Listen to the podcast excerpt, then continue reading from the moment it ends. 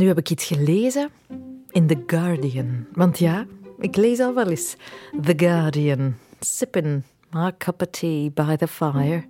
Alias wat, ik was aan het lezen in The Guardian. En ik botste op een artikel waarin stond dat het um, immoreel is om je vrienden of familie advies te geven bij het maken van levenskeuzes.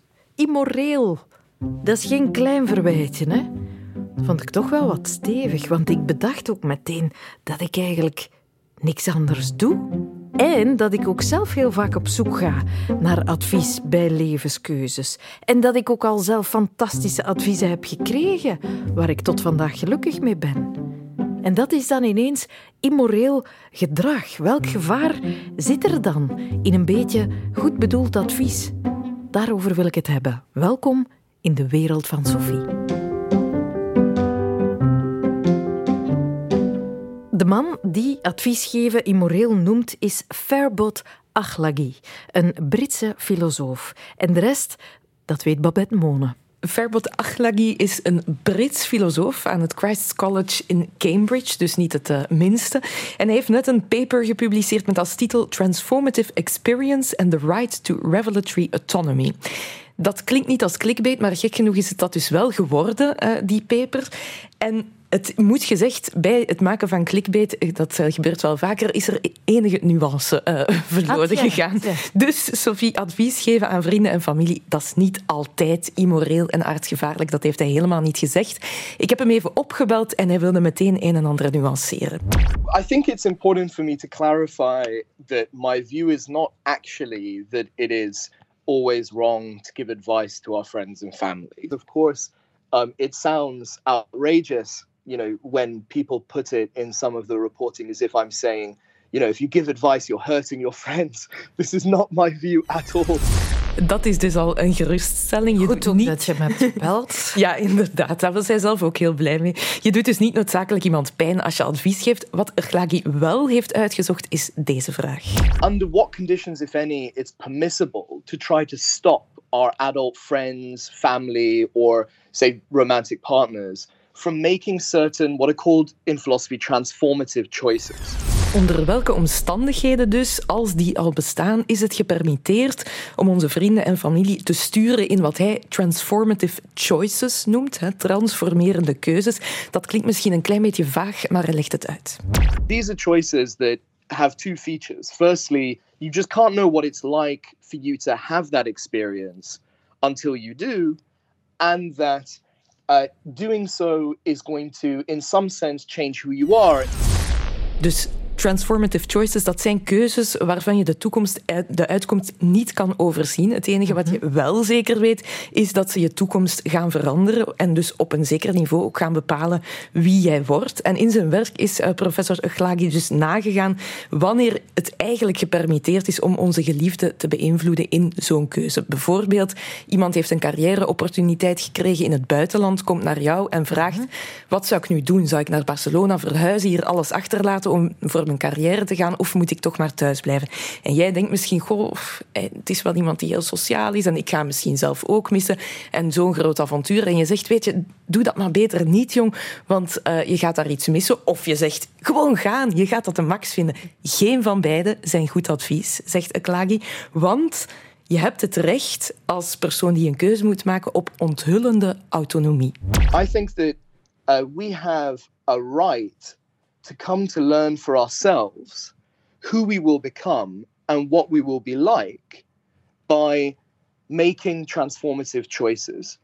I think that it's very important, in principle, for us to be able to look back on some of the kind of big transformative choices we make in our life, say, like becoming a parent or choosing a career, that it's important that we can look back on these and think to ourselves that this was a choice that ultimately I made.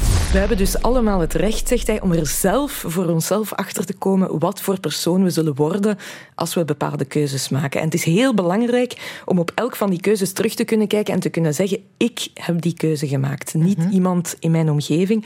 Al was het maar voor mocht die keuze een grote tegenvaller zijn. It is generally much easier to be able to say, look, I accept I made this choice.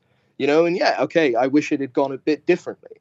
But at least I can see the person that I've become through this as a product of my choice. Het is eigenlijk zo simpel als dat. Het is veel gemakkelijker, zegt Erglagi, als je zelf beslist hebt, oké, kom, ik laat hier alles achter, ik ga naar Barcelona, ik ga dat gewoon doen. Of als je zelf beslist hebt, nee, ik durf dat toch niet. Dan wanneer je zo'n beslissing gemaakt hebt op basis van wat je vrienden gezegd hebben, dan zit je daar misschien miserabel in je appartement in Barcelona te denken van, zie, ik was nog aan het twijfelen en nu heb ik mij toch laten aanpraten dat dat een groot avontuur is. Maar je misschien kan beter ben ik op niet zo, ja, ja, misschien ben ik niet zo'n avonturier. Dus hij zegt van, het is altijd altijd heel, heel, heel belangrijk dat je het gevoel hebt, ik kan mijn eigen keuze maken. En dat is dus de kern. We mogen elkaar advies geven, maar we moeten ons er altijd van bewust zijn dat dat advies mogelijk ja, een leven kan veranderen. En we weten niet op welke manier het een leven kan veranderen. Dus we moeten heel voorzichtig zijn. We should be careful not to disrespect their right to make these decisions. And not to pretend that we know things that we cannot about what's going to happen once they make that choice. What we should do is just imagine that someone was going to at some point turn look back, right? And think to themselves, you know, did I really make this decision for myself? And I think that as long as whatever one says um, doesn't make it difficult for that person to think that, that's a good general test Dat is eigenlijk de toetssteen waaraan je al je advies moet aftoetsen. Als ik iets zeg, kan je na dat advies nog zeggen: Dit is een beslissing die ik voor mezelf genomen heb. Dit heeft hier heeft niemand anders invloed op gehad. Misschien een voorbeeld maakt het duidelijker mhm. in dat hij zelf ook gaf daarnet al. Hè, is de vraag: moet ik ouder worden of niet? Moet ik uh, aan kinderen beginnen of niet? Dat is een van de grote existentiële levensvragen. Het is ook heel logisch dat je daar met je vrienden en familie over van gedachten wil wisselen. Maar die vrienden en familie die zeggen dan vaak dingen als: Oh, maar je gaat dat zo goed doen. Je gaat dat, nee, je moet niet twijfelen. Je gaat een supergoeie moeder of vader zijn. Klagi zegt dat is eigenlijk geen goed advies. Saying, look, I it's I just know for certain, you know, this is going to be the best thing that's ever happened to you, etc. It might be, but when we give such advice, we should just be careful not to do anything that might eventually make someone, when looking back on that decision, worried that they didn't really make this choice for themselves. Ja, als je zegt, hè, dit wordt het beste ooit, het vaderschap of het moederschap, dan zeg je eigenlijk iets dat je niet weet. Je weet dat dat voor jou misschien het beste ooit is, maar of dat, dat voor de persoon die je advies aan het geven bent de juiste keuze is, dat kan je onmogelijk weten. Er zal zomaar eens een vierling tevoorschijn ja, komen. Ja, inderdaad. En dan sta je daar. Dus wat je eigenlijk beter kan doen als je advies wil geven over zo'n topic, is dit. One might be able to say, well, look, when it happened to me, this is how I felt. And, you know, so I want to kind of share that with you. And I see nothing wrong with that. Ja, zeg dus niet gewoon doen. Je gaat dat goed doen. Het wordt het beste ooit. Je krijgt er zoveel voor terug. Al die clichés. Maar zeg, ik persoonlijk vind, als je dat vindt, ouder zijn het beste ooit. En ik vind dat je daar heel veel voor terugkrijgt, et cetera.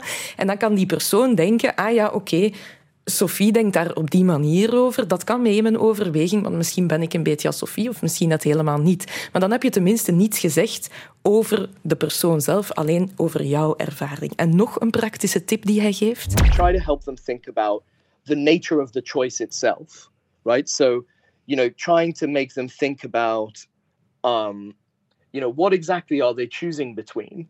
What are they what's really at issue when they're making this choice, what might be making them want to go one way rather than the other. This is something that, you know, I think one of the things that we can do, you know, for our loved ones, be they friends, family, romantic partners, etc., is just try to help them understand themselves at the time that they're choosing and what they want to choose. Dus proberen niet zozeer te sturen, maar je gesprekspartner te laten nadenken over wat is nu de essentie. Waartussen kies ik nu eigenlijk echt? Wat staat er hier voor mij op het spel? Wat zorgt ervoor dat ik voor of tegen een bepaald scenario wil kiezen? Je moet dus helpen iemand een keuze te maken door zijn eigen dilemma te laten begrijpen, zegt hij. Niet zozeer te pushen. En zo heb je dus advies over hoe je advies ja. Dat is misschien wel het belangrijkste advies van je leven, zegt hij. We owe it all to each other to not allow ourselves to go through our lives and eventually look back and think, you know what, when I faced this really big decision, I didn't really make this choice for myself. And I feel in some sense alienated from who I've become. Dat snap ik wel, hè? dat je niet mag terugkijken op je leven en achteraf dan over een aantal levenskeuzes denken. Dat is niet helemaal mijn beslissing geweest. Met als resultaat dat je je op een dag vervreemd voelt van jezelf. Ja, oké, dat is een pak genuanceerder dan hoe het in de krant gesteld werd. Zouden mensen daar al vaak last van hebben gehad, vroegen we ons af, van ongevraagd en slecht advies? Anke van Meer trok op pad. Ik denk het slechtste advies dat ik recent heb gekregen was um, om op blind date te gaan. Veel te snel, veel te vroeg na een breuk. Het was uiteindelijk wel een toffe date. Blij dat ik mezelf naar buiten heb gebracht. Maar misschien persoonlijk voor mij nu op dit moment niet het beste idee. Ja, soms krijg ik wel eens het advies dat ik een woning beter koop dan dat ik blijf huren. En ik vind dat een heel fijn advies en heel slim. Maar ik heb gewoon het geld niet. Dus stop met mij dat te zeggen, want het gaat gewoon niet op dit moment. Als iemand zegt in een zin, je moet, dan stijg ik al. Je moet die film echt zien. Dan denk ik, ik moet ik juist niks. Je moet, naar, weet ik veel welk museum gaan. Dan denk ik, ja, maar ik moet ik dat niet? Gevraagd advies vind ik wel super waardevol. Maar ja, ongevraagd advies ben ik heel gevoelig voor. Ook al is dat, ook al is dat een belachelijke als genre, je moet echt eens naar Plopsaland gaan met je kinderen of zo. Nee, ik, ik moet echt niks. Ben net moeder geworden en dan krijg je wel advies. Heel veel nuttig advies, ongevraagd advies vanuit allerlei verschillende hoeken. Ah, oh, vreselijk, vreselijk. Ja. Dan, dan zet je ineens een magneet voor advies. Ineens. Om een of andere reden vinden heel veel mensen dan dat ze iets moeten zeggen, genre zouden niet stoppen met die borstvoeding tot um, moet die geen jas aan. Over hoe laat een kind moet slapen, over wanneer het moet doorslapen, wanneer het wel een flesje moet krijgen, geen flesje moet krijgen, wanneer uh, het een badje moet krijgen. Ja, eigenlijk gewoon elk aspect van, uh, van een kindje. Hebben mensen meningen over, bestaan er theorieën over en dat is voor iedereen anders en elke ervaring van iedere ouder is natuurlijk ook anders, ook doorheen de generaties. Toen mijn oudste zoon een paar maanden oud was, zat hij ehm, met een rammelaar in zijn linkerhand te schudden. En toen zei iemand: Oei, steek het maar gauw eens in zijn rechterhand om te oefenen, want linkshandigen, dat is niet gemakkelijk.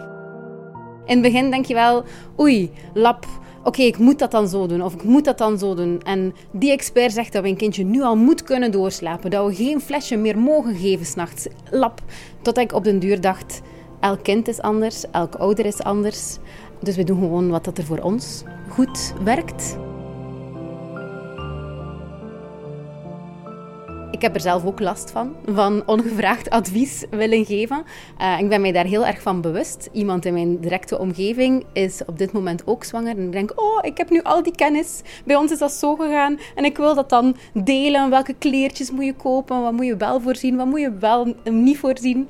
Dan denk ik heel tijd, nee, nee, nee. Geen, geen advies geven zonder dat ze vragen. Ze zullen wel vragen als het nodig is. En toch is het soms sterker dan mezelf. Ik ben zeker dat ik al ongevraagd advies heb gegeven. Dat is ook een moeilijke hè? bij vriendschappen, als iemand, of in relaties ook, als iemand zich slecht voelt, moet je altijd de afweging maken: wilt je gewoon dat ik luister? Of moet ik advies geven? En advies geven is niet altijd goed als iemand zich slecht voelt, maar dat is een heel natuurlijke reflex om dat toch te doen, omdat ja, je wilt een oplossing geven en je wilt ervoor zorgen dat het beter gaat. En dan is advies iets dat dan snel naar boven komt. Terwijl mensen willen ook gewoon soms gehoord worden. Ja, ik heb wel geleerd met zo ouder te worden dat uh, zo van die cliché-adviezen zoals volg je hart of alles komt goed, dat die vaak of niet altijd kloppen. Ik zal het zo zeggen. Dus dat zal ik niet snel meer zeggen. Van volg je hart. Omdat als je ouder wordt, dan komen er toch meer nuances in het leven. Meer grijstinten. Soms moet je met je verstand dingen kiezen en beslissen. Dus uh, misschien vind ik dat tegenwoordig een slecht advies.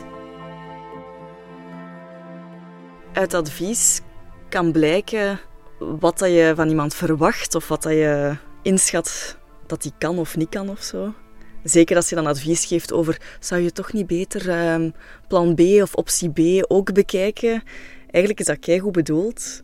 Maar dat voelt ook wel zo, waarom denk je dat ik dat nodig heb? ja, dat. Ik krijg heel vaak ongevraagd advies van mijn schoonmoeder hoe ik moet kuisen. Ik kan niet kuisen, dat is waar. Ik kan wel opruimen, maar ik ben geen kuiser. Dus van, uh, daar staan die, die vingerafdrukken op een glanzende kast. Wie heeft er nu een glanzende kast? Maar goed, en dan welke beweging ik moet maken met het doekje om goed te kuisen. En ik heb ook al een boek van haar gekregen met kuistips van een zekere tante. Dus zo'n advies krijg ik de hele tijd. Of ook, jouw broek zit iets te strak, draag een lossere broek. Dat soort dingen. Dat wil je niet horen op het moment dat je gaat vertrekken naar een feestje dat je broek er te strak uitziet. Als ik bij mijn ouders op bezoek ga, dan parkeer ik de auto op de oprit. Dan gebeurt het wel eens dat ik, dat is een beetje lui, alleen sleutel en gsm, smartphone, mee naar binnen neem. Het eerste wat mijn ouders dan altijd zeggen is: laat je portefeuille niet in de auto liggen. Ja, het is een beetje luiheid van mijn kant en meestal ga ik hem dan toch wel halen om hen te plezieren. Ik denk dat mensen vaak vanuit hun eigen ervaringen vertrekken en hun eigen ideeën of uit hun eigen geschiedenis en denken, dit had ik nodig gehad en daarom denken, daarom zal die persoon ook dat advies nodig hebben. Uh, mijn mama is een goed voorbeeld. Die uh, vindt het heel jammer dat ze pas laat gekocht heeft en vindt dat een grote fout in haar leven. En daardoor wil ze mij daarvoor behoeden en moet ik elke keer horen: Oh, er is een huisje hier. Oh, zou je niet kopen? Oh, hier is een optie. Is dat geen goed idee? En ja, dat is echt super lief, maar ook echt wel vermoeiend. Ik heb de lerarenopleiding gevolgd. En dat was wel fijn, maar daar zat mijn hart echt niet. Ik heb dat toen gedaan op advies van mijn ouders, omdat die vooral wilden dat hun dochter een stabiele job zou hebben, maar ik zat daar in de les en ik voelde gewoon dat ik mezelf aan het kwijtspelen was. En dan heb ik toch voor een creatieve opleiding gevolgd en is het goed gekomen. Ik vind niet dat alle advies verwerpelijk is. Ik heb bijvoorbeeld zo met een paar vriendinnen, en het klinkt echt mega truttig, heb ik een kleerkastclub. En dat is eigenlijk heilig voor mij. Sinds dat we de kleerkastclub hebben, waarbij dat we eigenlijk ongezouten aan elkaar zeggen: dat staat u, dat staat u niet, zijn er geen miskopen meer. Ik ben niet sowieso tegen advies, maar dat is wel op vraag. Maar zo ongevraagd advies, ik ben er zeer gevoelig en zeer snel geïrriteerd door. Ja, het is iets dat we dagelijks bijna doen, denk ik. En ik denk dat heel veel zit in de manier waarop dat je je advies formuleert. Als je zegt, je moet dat zo doen, dan komt dat bij iemand veel sterker binnen dan en zo probeer ik het nu altijd te doen, is bij mij werkt het om het zo te doen ik vond het altijd handig om. En dan is dat misschien meer een suggestie dan een je moet. Of het moet zo, of volgens de boekjes doet, moet het zo. En dus dat dat dan misschien minder hard overkomt of zo. Ik ga eigenlijk constant naar anderen om advies te vragen. Misschien om aan de ene kant bevestiging te krijgen van wat dat ik zelf aanvoel of denk. Meestal volg ik het eigenlijk wel, maar als mijn buikgevoel zegt van dit klopt niet, dan ga ik wel voor mijn buikgevoel. Ik voel me vaak schuldig wanneer ik advies vraag. Langs de ene kant wil ik mijn problemen delen met mijn vrienden, maar ik wil er niet te veel deelgenoot van maken, omdat het een last op hun schouders legt. Wanneer ik hen om advies vraag, dwing ik hen over, om na te denken over dingen die misschien niet zo fijn zijn. Zij moeten ook geen rechter zijn, snap je? Moet denken aan een vriend die onlangs uit elkaar is met iemand en die probeert advies van andere mensen te gebruiken om zijn eigen acties nu te verantwoorden. Eigenlijk advies dat hij van andere mensen aanneemt en dan eigenlijk gaat gebruiken om zijn eigen acties, die heel dom zijn op dit moment, te rechtvaardigen. Soms vraag ik advies aan een persoon waarvan ik weet, dit zal het antwoord zijn. Puur uit zelfbevestiging. Na achteraf denk ik, dat is flauw. Je hebt het niet aan iemand anders gevraagd die een tegenstrijdig advies zou geven. Dus zo kan je jezelf beïnvloeden en eigenlijk geruststellen. Als we elkaar nooit meer advies zouden geven, dan zou het ook maar jammer zijn. Hè? Allemaal elk voor zich. Dus soms is misschien ongevraagd advies ook niet zo slecht om te krijgen. Dat is ook waar. Hè? Toont een beetje betrokkenheid als je met iemand het gesprek over zijn of haar leven aangaat. Maar door al die stemmen te horen, besef je wel, wij flappen er nogal eens wat uit, zonder dat we zelf echt met zekerheid weten hoe het leven in elkaar zit. Wie weet, wat richt je uit bij een ander? Misschien maak je wel onbedoeld het initiële probleem erger. Bart Bogaert trok daarom naar psychotherapeute en docent klinische psychologie aan de UGent Els Hene. Krijgt zij soms mensen over de vloer die slecht geadviseerd werden en welk advies kan zij hen dan geven? Mijn eerste advies is: hoed u voor te snelle adviezen. Zowel in persoonlijk leven, denk ik, als in professioneel leven is het niet wijs om snel adviezen te geven. Niemand weet hoe het is voor een ander om in die situatie in dat leven te zitten. En dat is ook zo. Maar we hebben autonomie en verbondenheid nodig. Autonomie is zeker belangrijk in die zin dat je er op een bepaald moment in je leven achterkomt dat je het nooit voor iedereen goed kunt doen en dat er ook niemand op deze aardbol rondloopt die net hetzelfde is als jij. Wat dus betekent dat je het inderdaad zelf moet doen en dat dat iets is wat een heel uniek verhaal is. Daarnaast hebben we eigenlijk ook verbondenheid nodig en we kunnen ook niet zonder de ander. We hebben dat ook nodig om te overleven trouwens. Dus in die zin is het horen van wat belangrijke anderen over bepaalde thema's vinden wel een belangrijk stuk. Iemand die wel een beetje meedenkt en, en mee ja, voelt en vragen stelt. En ik denk dat dat zeker iets is wat heel belangrijk is om te doen. En daardoor wordt autonomie niet per se aangetast. Maar ik zou vooral willen zeggen, goed u om te snel advies te geven. Hoor eerst hoe dat is voor die persoon in die situatie. Geef erkenning en, en luister ook echt naar wat daar dan verteld wordt. Echt luisteren zonder te oordelen of te snel iets te zeggen is ook moeilijk. Dat is ook zeer belangrijk. En als mensen dan alsnog graag willen weten wat je ervan denkt, ja, dan moet je natuurlijk ook wel je eigen mening daarover geven. Maar nuanceer dat vanuit het feit dat dat vanuit jouw perspectief is. Veel mensen die zeggen van, ja, moest mij dat overkomen, ah, het zou bij mij niet waar zijn, ik zou dat nooit doen. Dan denk ik, maar dat is niet zo, dat weet je gewoon niet. Totdat je in die situatie zit en het zelf moet beslissen en het eigenlijk helemaal niet meer weet. Als mensen dan bij vrienden en familieleden en kennissen allerhande advies gaan zoeken en ze krijgen voortdurend tegengesteld advies, mhm. is dat ook iets wat tot een bezoek aan de therapeut kan leiden? Ze komen soms ook met een hele vol hoofd en, en weten op den duur helemaal niet meer waar, wat ze er moeten van denken. En ja, tegenpolen behoren eigenlijk tot dezelfde dimensie. Alles bestaat uit tegenpolen. Dus je hebt heel vaak zowel angst als verlangen bijvoorbeeld. Dus die, die goed bedoelde adviezen, die kunnen voor een stuk wel ja, richting proberen geven, maar uiteindelijk vaak ook veel onrust en chaos veroorzaken.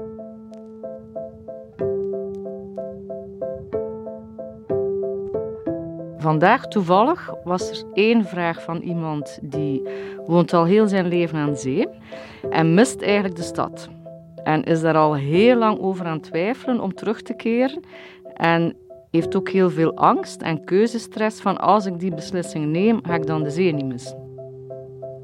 En dan is het natuurlijk nooit aan mij om te beslissen wat die persoon zou moeten doen, maar ik kan wel meehelpen zoeken en aftasten waar de grenzen en de wensen liggen. En wat ik eigenlijk heel vaak ook met mensen doe of, of laat doen, dat is dat je het een beetje kan vergelijken met een trechter. Dus dat u heel breed informeert. Uh, uw bewustzijn gaat sowieso allerlei stukken informatie verwerken, maar eigenlijk nemen wij de meeste beslissingen onbewust. Dus je vergaart informatie wij denken dan rationeel dat we die informatie kunt dan voor- en nadelen en twee kolommen maken en dergelijke meer. Maar uiteindelijk ga je vaak op een ander moment vanuit een buikgevoel een beslissing nemen die dan na verloop van tijd, als u een trechter op een bepaald punt komt, wel de juiste kan zijn. En stel dat dat op dat moment achteraf bekeken niet meer de juiste was, dan kan je daar vaak ook nog op terugkomen natuurlijk.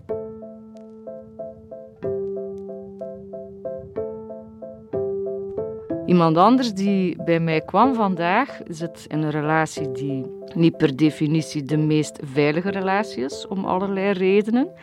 En die krijgt de hele tijd vanuit de omgeving, goed gemeend, adviezen om daarin te stoppen, om die relatie stop te zetten. Maar daardoor stopt die persoon eigenlijk met spreken. Want overal waar hij komt, krijgt hij het advies om daar weg te gaan, terwijl dat dan niet is wat hij zelf wil. En dat blijft ook het punt waarbij ik denk, ja, goed u echt voor het geven van advies. Luister ook echt naar wat voor die persoon dat betekent om daarin te zitten. En, en probeer voor een stuk uh, mee te voelen en ook soms ook wel goede vragen te stellen. Ja, als ik bijvoorbeeld aan die persoon vandaag vroeg, is dit nu het soort relatie waar jij je beste vriend zou adviseren? Zij onmiddellijk, nee natuurlijk niet. Dus dan komt er voor een stuk wel ook advies vanuit zichzelf. Maar uiteindelijk is hij de enige die weet hoe dat is en, en welke beslissing voor hem op dit moment het meest passend is. Is wat jij dan zegt tegen mensen die met zo'n concrete vraag komen, merk je dan dat dat een bevredigend antwoord is? Want ik kan me voorstellen dat dat mensen zijn die graag snel een oplossing willen. Ik weet niet of dat ik veel bevredigende antwoorden geef. Maar ik weet wel dat veel mensen die bij mij komen leren wat het voordeel van de twijfel kan zijn. En dat het helpt om dat ook in termen van een proces te zien, als een soort van transformatie, waarbij dat ik liefst van al wil dat ze nieuwsgierig blijven naar, naar zichzelf en naar wat de tijd gaat doen. Wat zij met de tijd gaan doen en wat de tijd omgekeerd ook met hen gaat doen. En als ze heel veel twijfel voelen, dat ze eigenlijk ook proberen, dat vind ik wel een hele belangrijke, niet vanuit onrust impulsieve beslissingen nemen als dat kan, maar eerst vanuit een stuk rust uh, zoeken uh, naar wat er dan inderdaad voor hen op dat moment meest doorslaggevend voelt. En uh, soms vraag ik dat ook, van dat is misschien niet wat je wilde horen en het lijkt nog een stuk complexer, maar uiteindelijk is het toch ook heel geruststellend om te weten dat de antwoorden in onszelf zitten en dat het voor een stuk ook betekent dat je daar ook de rust en de tijd mocht voor nemen om daar naar op zoek te gaan. En dat wij een gigantisch groot lerend vermogen hebben, dat vind ik nog altijd het meest fantastische aan mijn job, waardoor dat veel meer mensen veel meer weten dan ze zelf eigenlijk beseffen. En dat ik probeer vanuit een veilige context uh, dat ze zichzelf de dingen kunnen horen zeggen die ze voordien nog niet konden horen, zodat ze meer durven doen wat ze voordien nog niet probeerden.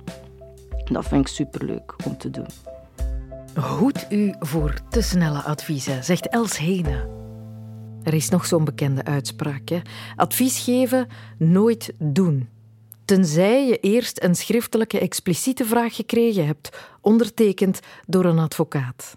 Dat is er eentje van Marshall Rosenberg, zijn autoriteit in geweldloze communicatie. Het wordt op veel manieren afgeraden, maar we doen het allemaal. En we staan er zelden bij stil, allez, ik toch, dat je advies een ander ook wel eens heel erg niet zou kunnen helpen. Florence weet dat wel heel goed, intussen. Florence is mama van twee dochters. En wat doe je als ouder? Je geeft je kinderen advies over het leven en hoe je dat kan aanpakken. Vaak geef je dan ook het advies door dat je zelf van je ouders kreeg. Maar wat Florence doorgaf, en dat zal niemand onbekend in de oren klinken, namelijk om je goed flink te houden en om door te doen en om iedereen content te houden, dat bleek niet het goede advies te zijn. Het bleek zelfs onhoudbaar voor een van de dochters. Iets wat Florence vandaag meer dan ooit beseft. vier jaar geleden is eigenlijk echt uh, alles ontploft. Um, het zat er like, al iets langer aan te komen. Zagen Margot um, een beetje afleiden, een beetje down worden. Uh, we hebben geprobeerd van haar te helpen op, met therapeuten en dingen, maar bleek dat niks nog voldoende was om haar eigenlijk weer over de streep te trekken, om haar weer op de juiste kant te krijgen of zo. Uh, ja, voor haar was het op. Het was genoeg. Het was uh, gedaan. Dus dan heeft ze ja, die heel zware beslissing genomen van ja, er niet meer te willen zijn. Niet meer uh, verder te willen doen.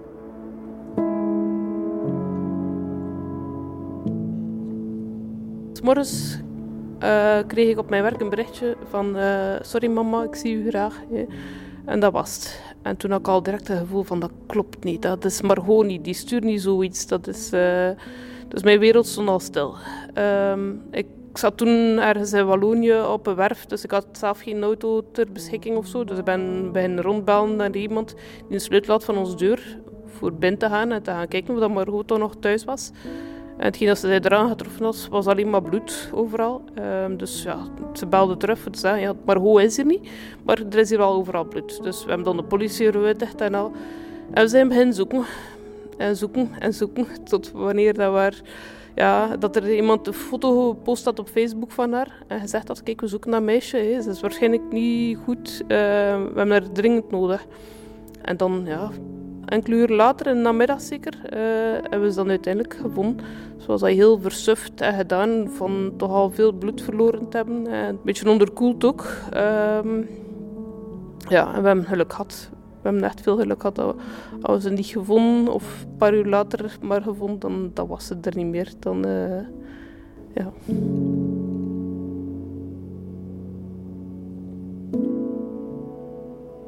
Ik voel me enorm gefaald. Um, als je een kind op de wereld zet en daarvoor zorgt, is dat iets dat nooit door je hoofd gaat. Van, dat zou misschien kunnen misgaan en ik zou haar misschien kunnen kwijtraken op zo'n manier.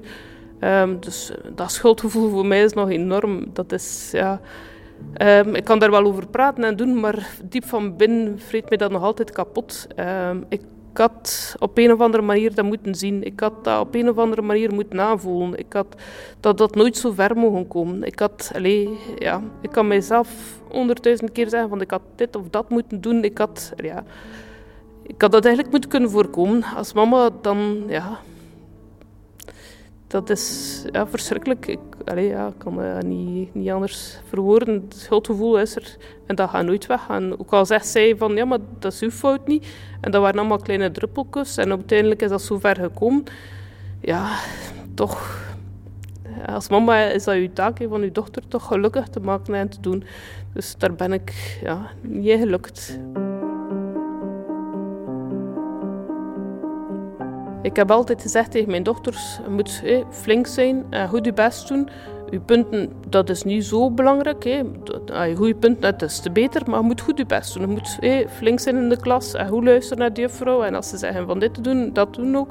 En overal, en wij, ja, regelmatig een keer kregen we complimentjes van, ja, je hebt echt brave kinderen. Zonder dat wij daar echt heel veel moeite moesten voor doen. Maar ik ben vergeten zeggen tegen mijn dochters dat het oké is dat dat af en toe niet lukt. Dat je niet iedereen kunt blij maken. Dat, je, dat niet je taak is van heel de wereld blij te maken. Dat je die zorg van de hele wereld niet op je schouders kunt dragen. Dat je af en toe ook moe mocht zijn. Dat je ook af en toe een keer ontevreden mocht zijn. Dat je een keer mocht verdrietig zijn ook zelf. Daar heb ik ja, serieus in tekort gekomen. Dat, uh, dat ik haar meer moeten zeggen. Veel meer.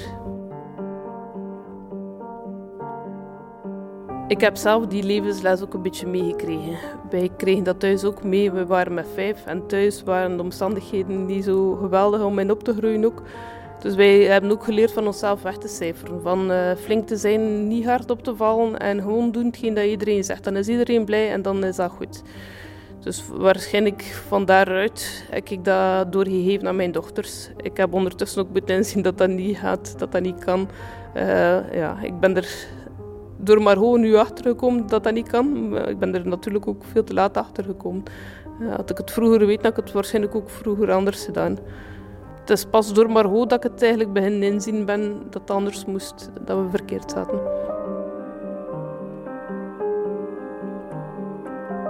Nu doe ik dat veel bewuster. Nu kijk ik er naar dat ze alle twee uh, goed voor hunzelf zorgen. Dat ze genoeg slapen dat ze goed eten, maar dat ze ook kunnen vertellen wat ze nodig hebben, wat dat er op hun lever ligt of wat er in de hoofd omgaat, dat er echt veel meer gesproken wordt. En als er problemen zijn, dat we die oplossen op een of andere manier. Als ze aangeven van, ja, maar voor mij is het genoeg, wel, dan is het genoeg, dan stoppen we, dan gaan we niet meer verder. En dan zien we wel op een later moment of dat we het kunnen herpakken of kunnen doen, of, of dat we het moeten veranderen. Dan, dan lukt dat ook wel. Dan zorgen we daarvoor. Ik heb daar zelf heel veel uit geleerd. Ik moet zeggen dat ik mij ook een pak lichter voel nu. Zonder dat ik al die therapie gehad heb, maar doordat maar gewoon nu meer mijn voorbeeld is dan dat ik daar was, eh, ja, heb ik zelf heel veel veranderingen gedaan. Eh, en ik denk ook dat dat voor Margot ook goed is. Ik denk dat ik een iets aangenamer persoon geworden ben, dankzij Margot ook. Dat, dat, ja, dat we toch iets positiefs uit iets heel negatiefs gehaald hebben. Dat dat toch voor iets gezorgd heeft. Ja. Een reportage was dat van Lotte de Kaluwe. Mocht jij het zelf soms lastig hebben, met donkere gedachten zitten, weet dat je altijd terecht kan bij de zelfmoordlijn. Dat zelfmoordlijn 1813.be. Telefonisch zijn ze ook te bereiken via het nummer 1813. Is dit soort verhalen dan de reden dat je, zelfs als ouder, moet oppassen met wat je allemaal doorgeeft? Ik heb toch zelf nog ook eens een moraalfilosoof gecontacteerd, eentje dichter bij huis. Patrick Loobuik, verbonden aan de Universiteit Antwerpen en de UGent. Vindt u raadgeven immoreel, zoals uw collega Achlagi? Wel, als ik eh, mijn collega meteen een advies zou mogen geven, dan, uh, dan zou ik toch voorstellen om, om eh, de stelling wat genuanceerder uh, voor te stellen. ik vind dat hij te veel abstractie maakt van de, de context, de persoonlijkheden waarmee we te maken hebben, de manier waarop verschillende adviezen kunnen geformuleerd worden, maar ook het soort relaties waarin mensen zich bevinden. Ik kan mij goed vinden dat je zegt het is weinig moreel als je als een bemoeial zomaar van buitenaf iemand zijn leven binnenvalt om dan een uh, ongevraagd advies te geven op een, eh, op een nogal pedante toon, dat, dat, dat is niet gepast en dat is misschien inderdaad ook eh, moreel onwenselijk. Maar misschien moeten we toch eens nadenken in welke mate bepaald soort relaties niet advies impliceren. We hebben daarnet bijvoorbeeld het verhaal gehoord van een moeder-dochterrelatie. Nu, ik kan mij heel moeilijk voorstellen dat je een goede moeder bent of een goede vader, zonder dat je ja, ook ongevraagd advies zou geven aan uw kinderen. En, ik, en ik, als ik dat uh, verhaal van daarnet ook hoor, dan vind ik dat niet zozeer een pleidooi om geen advies meer te geven aan uw kinderen, maar wel om te zorgen dat de adviezen die je geeft ja, evenwichtig zijn, hè, dat de adviezen kwalitatief zijn. Hè. Maar het is volgens mij uh, bijna onmogelijk om te pleiten voor een soort uh, relatie, ook onder vrienden, waarin je geen adviezen meer met elkaar zou uh, uitdelen. Omdat je dan ja, eigenlijk niet meer betrokken bent bij elkaar? Ja, klopt. Ik denk dat we als vrienden, als familie, als ouders inderdaad uh, op elkaar betrokken zijn, met el op el om elkaar uh, bekommerd zijn ook. En dat dan het praten over levenskeuzes enzovoort, dat dat daarbij hoort. En daar zit ook vaak inderdaad een advies bij, ook, ook impliciet. Hè. Stel dat, dat u al een paar keer aan mij hebt eh, gezegd, ja, wij twijfelen om uh, bijvoorbeeld uh, kinderen te krijgen of, of, of, om verder te studeren, al dan niet. En op een bepaald moment zegt u aan mij, en wij, en wij hebben een goede relatie, ik heb besloten om verder te studeren. Ja. Moet ik dan een pokerface opzetten of mag ik dan zeggen, wauw, ik ben blij voor u, ik, ik vind dat echt een goede beslissing voor u en u moet geven in, in uw beslissing. Ja, dat is eigenlijk ook een advies hè, dat, ik mhm. u dan geef. Ik bevestig u in uw beslissing. Uh, of uh, misschien vind ik het helemaal geen goede beslissing en zeg ik, ja, heb je daar wel al aan gedacht? Want je moet bijvoorbeeld je werken opgeven om aan, om aan, aan, aan een, een, studie te beginnen enzovoort. Dat heeft wel consequenties. ik heb ervaring met mensen die dat al gedaan hebben enzovoort. Ik denk ook dat er misschien uit de, uit de benadering van de collega wat een verkeerd beeld van wat autonomie is uh, spreekt. Want hij zegt, hè, mensen moeten zelf auteur zijn van hun eigen leven en zelf mhm. beslissingen nemen. Dat volg ik grotendeels wel. Hè. Op het eind van de rit nemen we zelf beslissingen. Mhm. Maar het is toch een te schrale opvatting van autonomie als je autonomie enkel invult met non-interference. Niemand moet zich met mij bemoeien. Hè. Ik denk dat onze autonomie vaak groter wordt door een goed gesprek met uw ouders, door een goed gesprek met uw kinderen, door een goed gesprek met uw vrienden. Uh, en daarin in dat gesprek ook af te toetsen welke adviezen zij expliciet of impliciet aan u zouden geven um, wat betreft belangrijke levenskeuzes. Ik denk dat dat uw autonomie en uw keuzevrijheid eigenlijk vergroot. Hè. Maar natuurlijk, opnieuw, alles hangt er ook wel een beetje vanaf van de manier waarop dan die zaken uh, geformuleerd worden. Ja, hoe stuur je de dingen zegt, maar je kan natuurlijk ook uh, de impact van je eigen woorden soms verkeerd inschatten. Misschien hecht iemand meer belang aan wat je zegt dan hoe je het zelf inschat. En ga je, zelfs al zou je het niet willen, toch iemand sturen. Ja, dat klopt. En in die zin uh, zou je kunnen zeggen dat we wel een soort morele plicht hebben om na te denken, als we adviezen geven aan mensen, hè, dat we nadenken in welke uh, machtsrelatie bevind ik mij ten aanzien van die persoon, met welke persoonlijkheid heb ik te maken? Is dat iemand die heel beïnvloedbaar is, of is dat iemand die heel weerbaar is en daar goed tegen kan dat er advies gegeven wordt? Uh, dus, en, en je kunt ook gaan nadenken over de manier waarop je een advies gaat formuleren. Dat is dus, je zou kunnen zeggen, er is een morele plicht om over al die dingen na te denken, maar dat ontslaat ons niet, dat, dat maakt niet het idee helemaal immoreel dat we adviezen op, uh, geven. Dus Ja, ja. Het, het geven van adviezen op zichzelf vind ik niet a priori immoreel, maar het is wel moreel om er eerst eens goed over na te denken, zeker als het over heel belangrijke zaken gaat, eh, hoe je dat formuleert en, en na te denken met wie je juist te maken hebt enzovoort. Misschien ook wel belangrijk om te beseffen dat wat je zelf denkt, of hoe je zelf ooit handelt, dat dat mogelijk helemaal verkeerd is, of totaal niet van toepassing is op een ander. Ja.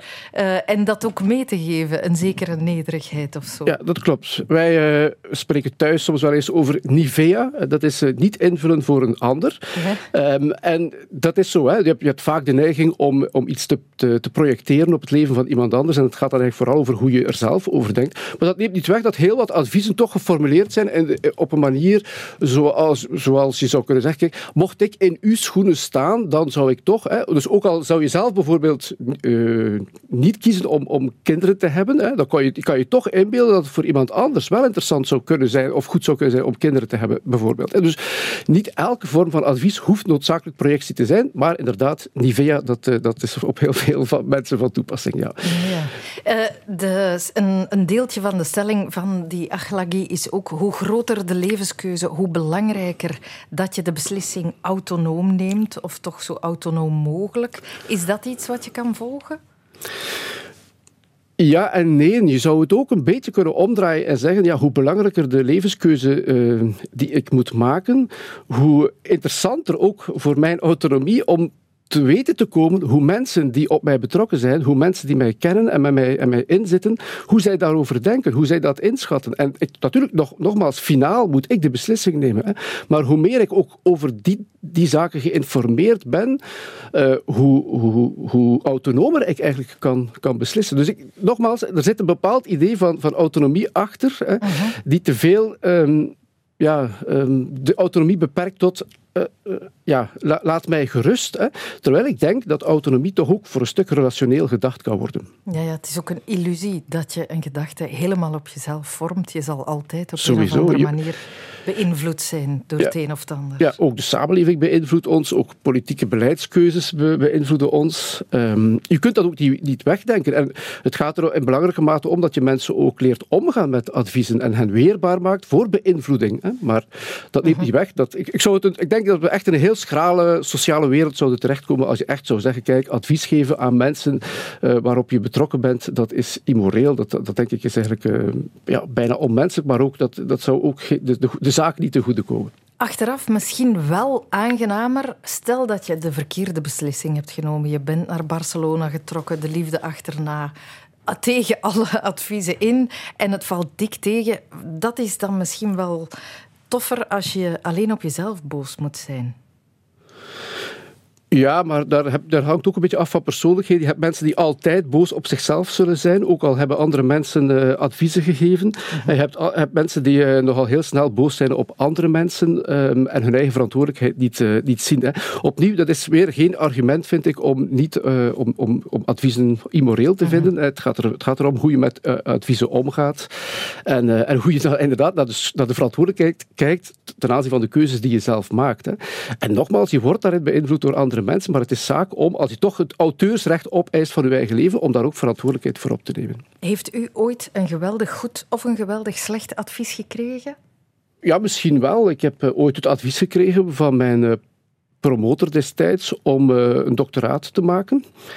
Ehm, ja, goed, dat is goed uitgedraaid, dat advies. Ik ben daar heel blij om dat hij mij dat advies heeft gegeven. Had hij mij dat advies niet gegeven, dan eh, had ik daar trouwens nooit, ach, misschien zelfs nooit aan gedacht, want ik, ik eh, doctoreren op de universiteit werken en zo, dat behoorde eigenlijk toen niet tot mijn keuzepalet. Dus het feit dat hij door dat advies dat, eh, dat die mogelijkheid geopend heeft, ja, dat heeft mij ook mijn autonomie vergroot en mijn keuzepalet vergroot. Ja, en anders hadden wij nu niet met elkaar kunnen praten hierover. Zaten wij nog steeds met onze handen in het haar over de stelling van die achlangie.